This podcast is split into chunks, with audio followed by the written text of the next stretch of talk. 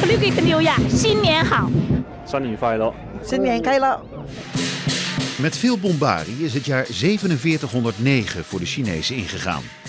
Elk jaar staat een dier met een heel eigen karakter centraal. En dit jaar is dat de draak. Het sterkste dier uit de Chinese dierenriem.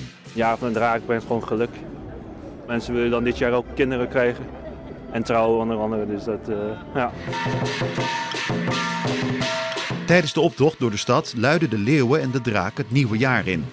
De leeuwen stoppen zo nu dan bij een winkel waar een krop sla boven de deur hangt. De krop sla gaan ze pakken en dan uh, spugen ze de sla terug. En dat moet je er eigenlijk opvangen en dat brengt zeg maar, geluk voor het nieuwe jaar.